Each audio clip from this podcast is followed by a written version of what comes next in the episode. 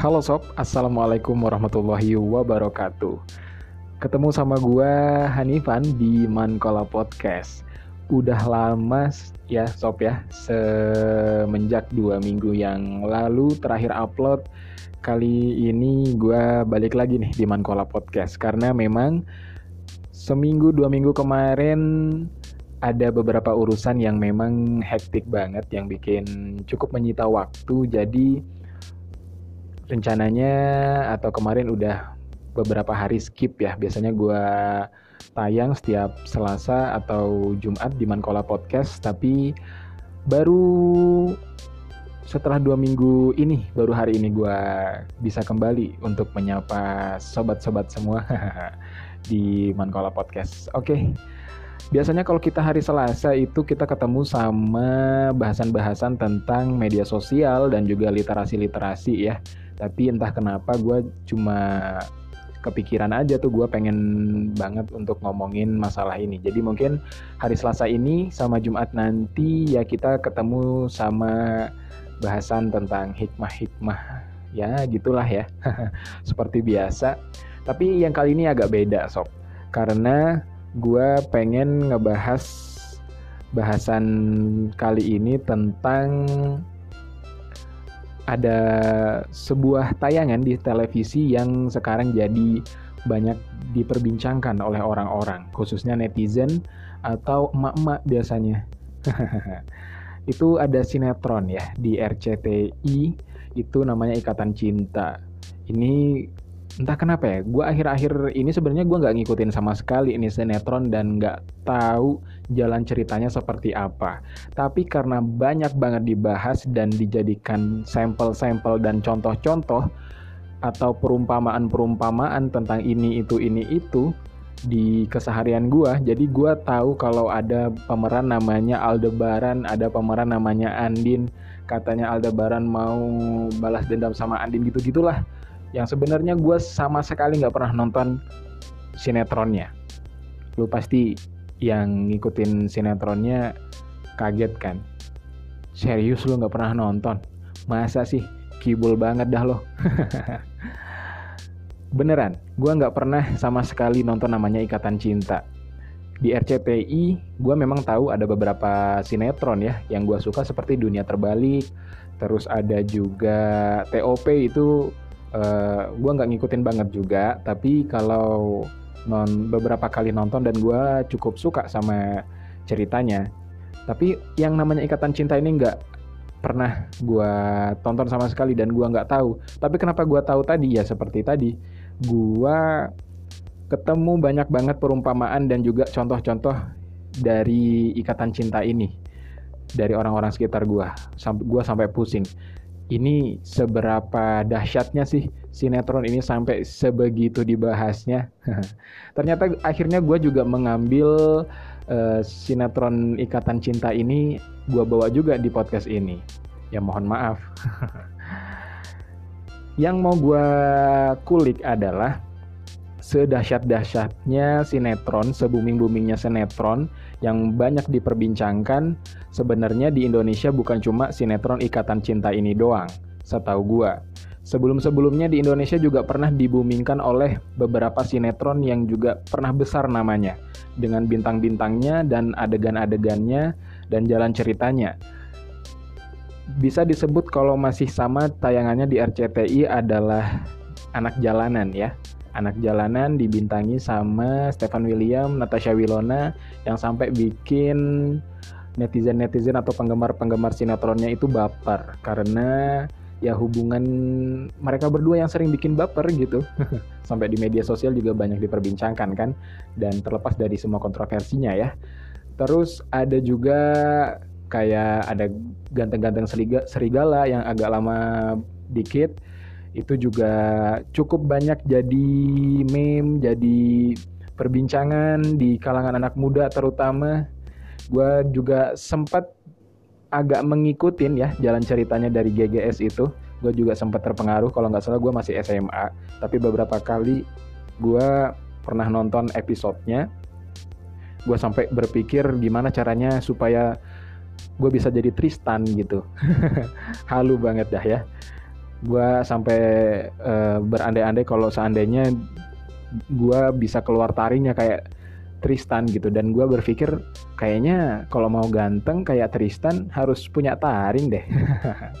Syukur-syukur gak keluar ya. Syukurnya gak keluar taring beneran dari mulut gue ya banyak juga deh sinetron-sinetron yang jadi perbincangan booming banget dan viral banget di medsos atau di media yang akhirnya e, mereka sampai pada titik akhir cerita.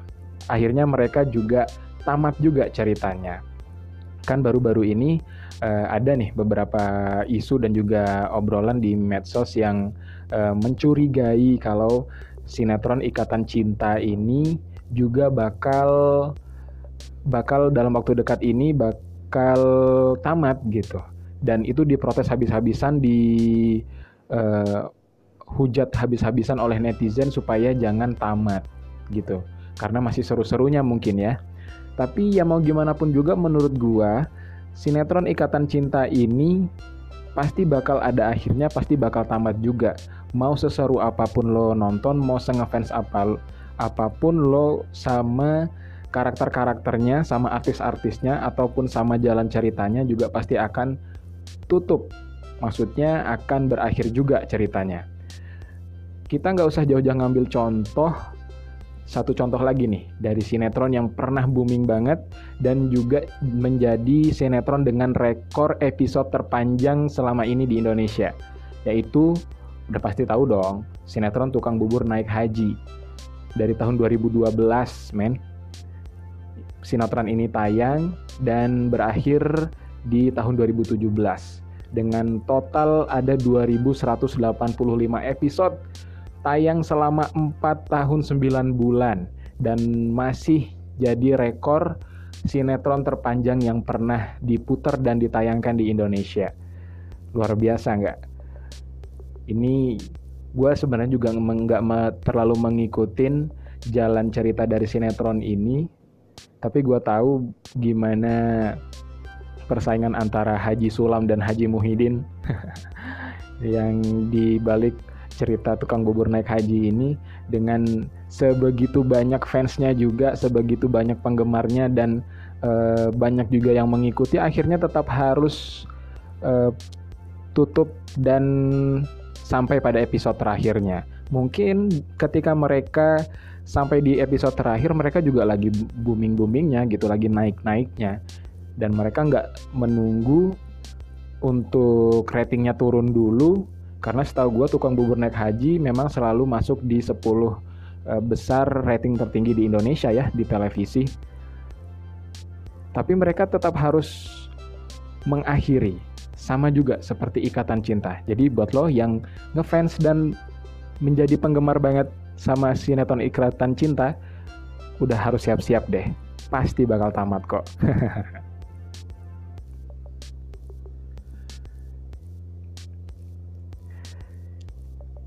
ya, namanya juga sinetron ya. Ada awalnya, ada akhirnya. Gua kira bukan cuma sinetron sih. Gua ber, kemudian berpikir bahwa seluruh hal di dunia ini juga ada batasnya nggak semuanya kekal. Karena sebagai muslim kita juga tahu nggak ada yang kekal di dunia ini men. Semuanya pasti ada akhirnya, semua ada batasannya. Coba lu sebutin, apa yang nggak ada batasnya dan apa yang nggak terbatas di dunia ini? Semuanya terbatas. Oksigen, mungkin lu bilang oksigen. Tapi ketika mungkin lu adalah seorang pencinta alam, pendaki gunung, hiking, hiker, high heels, atau apalah itu, ketika lo muncak semakin tinggi posisi lo semakin tinggi lo berada di ketinggian uh, tertentu apakah sama kondisi lo bernafas saat lo berada di bawah atau di tempat biasa setahu gua, gua memang nggak pernah sama sekali yang namanya mendaki gunung. Tapi seenggaknya teman-teman gua yang suka mendaki gunung atau informasi-informasi dari orang-orang yang suka mendaki gunung bahwa semakin tinggi altitude-nya, semakin tinggi kita berada di ketinggian, maka semakin tipis kadar oksigennya. Betul nggak? Berarti oksigen di dunia pun di tempat-tempat tertentu juga terbatas. Gak usah jauh-jauh lu naik gunung deh. Ketika lu masuk kamar tanpa ventilasi, tanpa jendela, tanpa ada lubang udara masuk, satu hari, dua hari apa lu tahan? Diam di dalam kamar tersebut dan gak keluar-keluar. Pasti oksigennya juga habis. Begitupun hal-hal yang lainnya. Mau sinetron, contoh sinetron lagi, mungkin ini bukan sinetron ya, ini animasi Naruto dari gua kecil gua ngikutin banget yang namanya Naruto. Tapi udah semakin dewasa gua udah semakin meninggalkan kartun itu karena menurut gua ya seru juga tapi menurut gua nggak nggak relevan lagi sama usia gua. Yang pada akhirnya juga menemui titik episode terakhir. Doraemon yang setiap pagi nemenin lo waktu kecil. Sampai adek lo juga sampai sekarang masih suka nonton Doraemon. Seri-serisnya, jalan ceritanya yang memang gak ada keterkaitan antara episode 1 dan episode lainnya, tapi juga akhirnya menemui episode terakhir di mana Nobita nikah dengan Shizuka yang ada di filmnya Doraemon Stand By Me.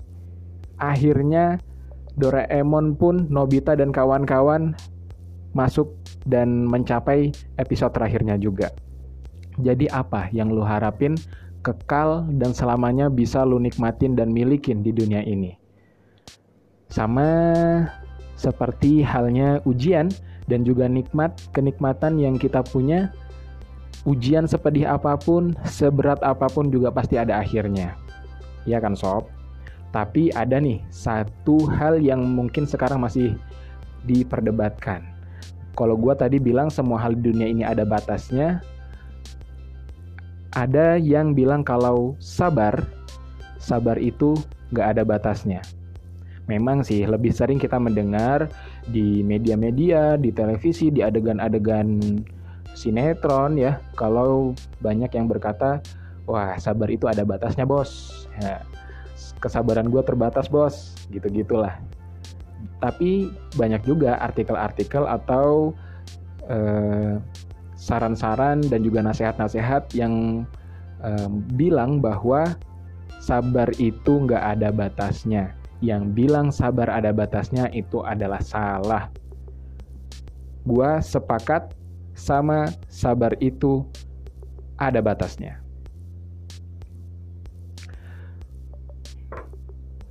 Kenapa gue sepakat dengan hal itu? Oke. Gue masih konsisten sama pendapat gue bahwa semua yang ada di dunia ini tuh ada batasnya, termasuk sabar. Kadar sabar juga ada batasnya menurut gue. Karena siapa yang disuruh sabar? Yang disuruh sabar adalah manusia biasa. Manusia yang maha lemah, manusia yang maha pecundang, manusia yang maha maha apa ya? Mahasiswa, bukan dong yang pokoknya paling makhluk paling sok tahu tapi paling punya banyak keterbatasan di dunia ini ya manusia. Memang sabar itu adalah anjuran. Sabar adalah sesuatu yang baik. Perilaku sabar itu patut banget dicontoh dan itu berganjar pahala yang besar banget di sisi Allah Subhanahu wa taala dan itu harus lo lakuin, harus kita lakuin. Tetapi sekali lagi kita manusia men. Sabar juga banyak banget disebutkan beberapa kali di Al-Qur'an. Kurang lebih ada 70 anjuran dan kata sabar disebutkan dalam Al-Qur'an yang menunjukkan bahwa seberapa pentingnya dan sebegitu seriusnya Allah Subhanahu wa taala melalui Al-Qur'an untuk menekankan sabar ini kepada kita manusia. Tapi sekali lagi, gue tetap berpendapat bahwa sabar itu ada batasnya. Tapi nih, tapi ada tanda kutipnya nih, ada dalam kurungnya nih. Sabar menurut batasannya siapa? Menurut gue, sabar tetap ada batasnya, tapi batasnya adalah Allah yang menentukan. Karena apa? Kita lihat aja deh. Kutipan dari surat Al-Baqarah ayat 286. La yukallifullahu nafsan illa wus'aha. Allah Subhanahu wa taala tidak akan membebani seseorang melebihi dari kesanggupannya. Di situ aja Allah udah ngasih batas seberapa dia bis beliau untuk memberi ujian dan beban kepada seseorang. Yang diuji adalah lagi-lagi manusia yang punya banyak keterbatasan, punya akal tapi juga punya hawa nafsu. Dan Allah Subhanahu wa taala itu pencipta kita, men. Udah pastilah yang menciptakan, yang paling ngerti tentang kita, yang paling mengerti apa yang kita mau dibanding kita sendiri. Termasuk kadar sabarnya. Kalau masih ada yang bilang bahwa sabar itu ada batasnya ya mungkin pendapatnya oke-oke aja karena mungkin di satu sisi memotivasi agar kita atau orang tersebut nggak habis nggak cepat habis kesabaran. Tapi menurut gua tetap ada batasnya tapi batasan itu Allah yang menentukan. Kita pakai batasan sabar dari Allah. Kapan batasan sabar itu? Menurut gua batas kesabaran dari seorang makhluk atau seorang manusia adalah ketika jawaban dari penantiannya itu dikasihkan sama Allah Subhanahu wa taala. Jadi misalnya nih, kemarin adik kita, saudara kita atau kita sendiri ikut SNMPTN. Sejauh ini kita udah sabar menunggu pengumuman, udah berusaha, udah berdoa sebagai wujud sabar kita, tapi ternyata nggak diterima. Kemudian kita sabar, ikut SBMPTN lagi, ikut tes lagi, nggak keterima lagi, ikut yang mandiri. Akhirnya diterima. Dan ketika kita diterima itu adalah batasan sabar kita. Jadi memang benar, sabar itu ada batasnya. Tapi batasan kesabaran seseorang Allah yang menentukan. Dan batasan kesabaran seseorang ketika penantian dari kesabarannya itu dijawab dan diberikan oleh Allah Subhanahu wa taala. Thank you udah dengerin. Wassalamualaikum warahmatullahi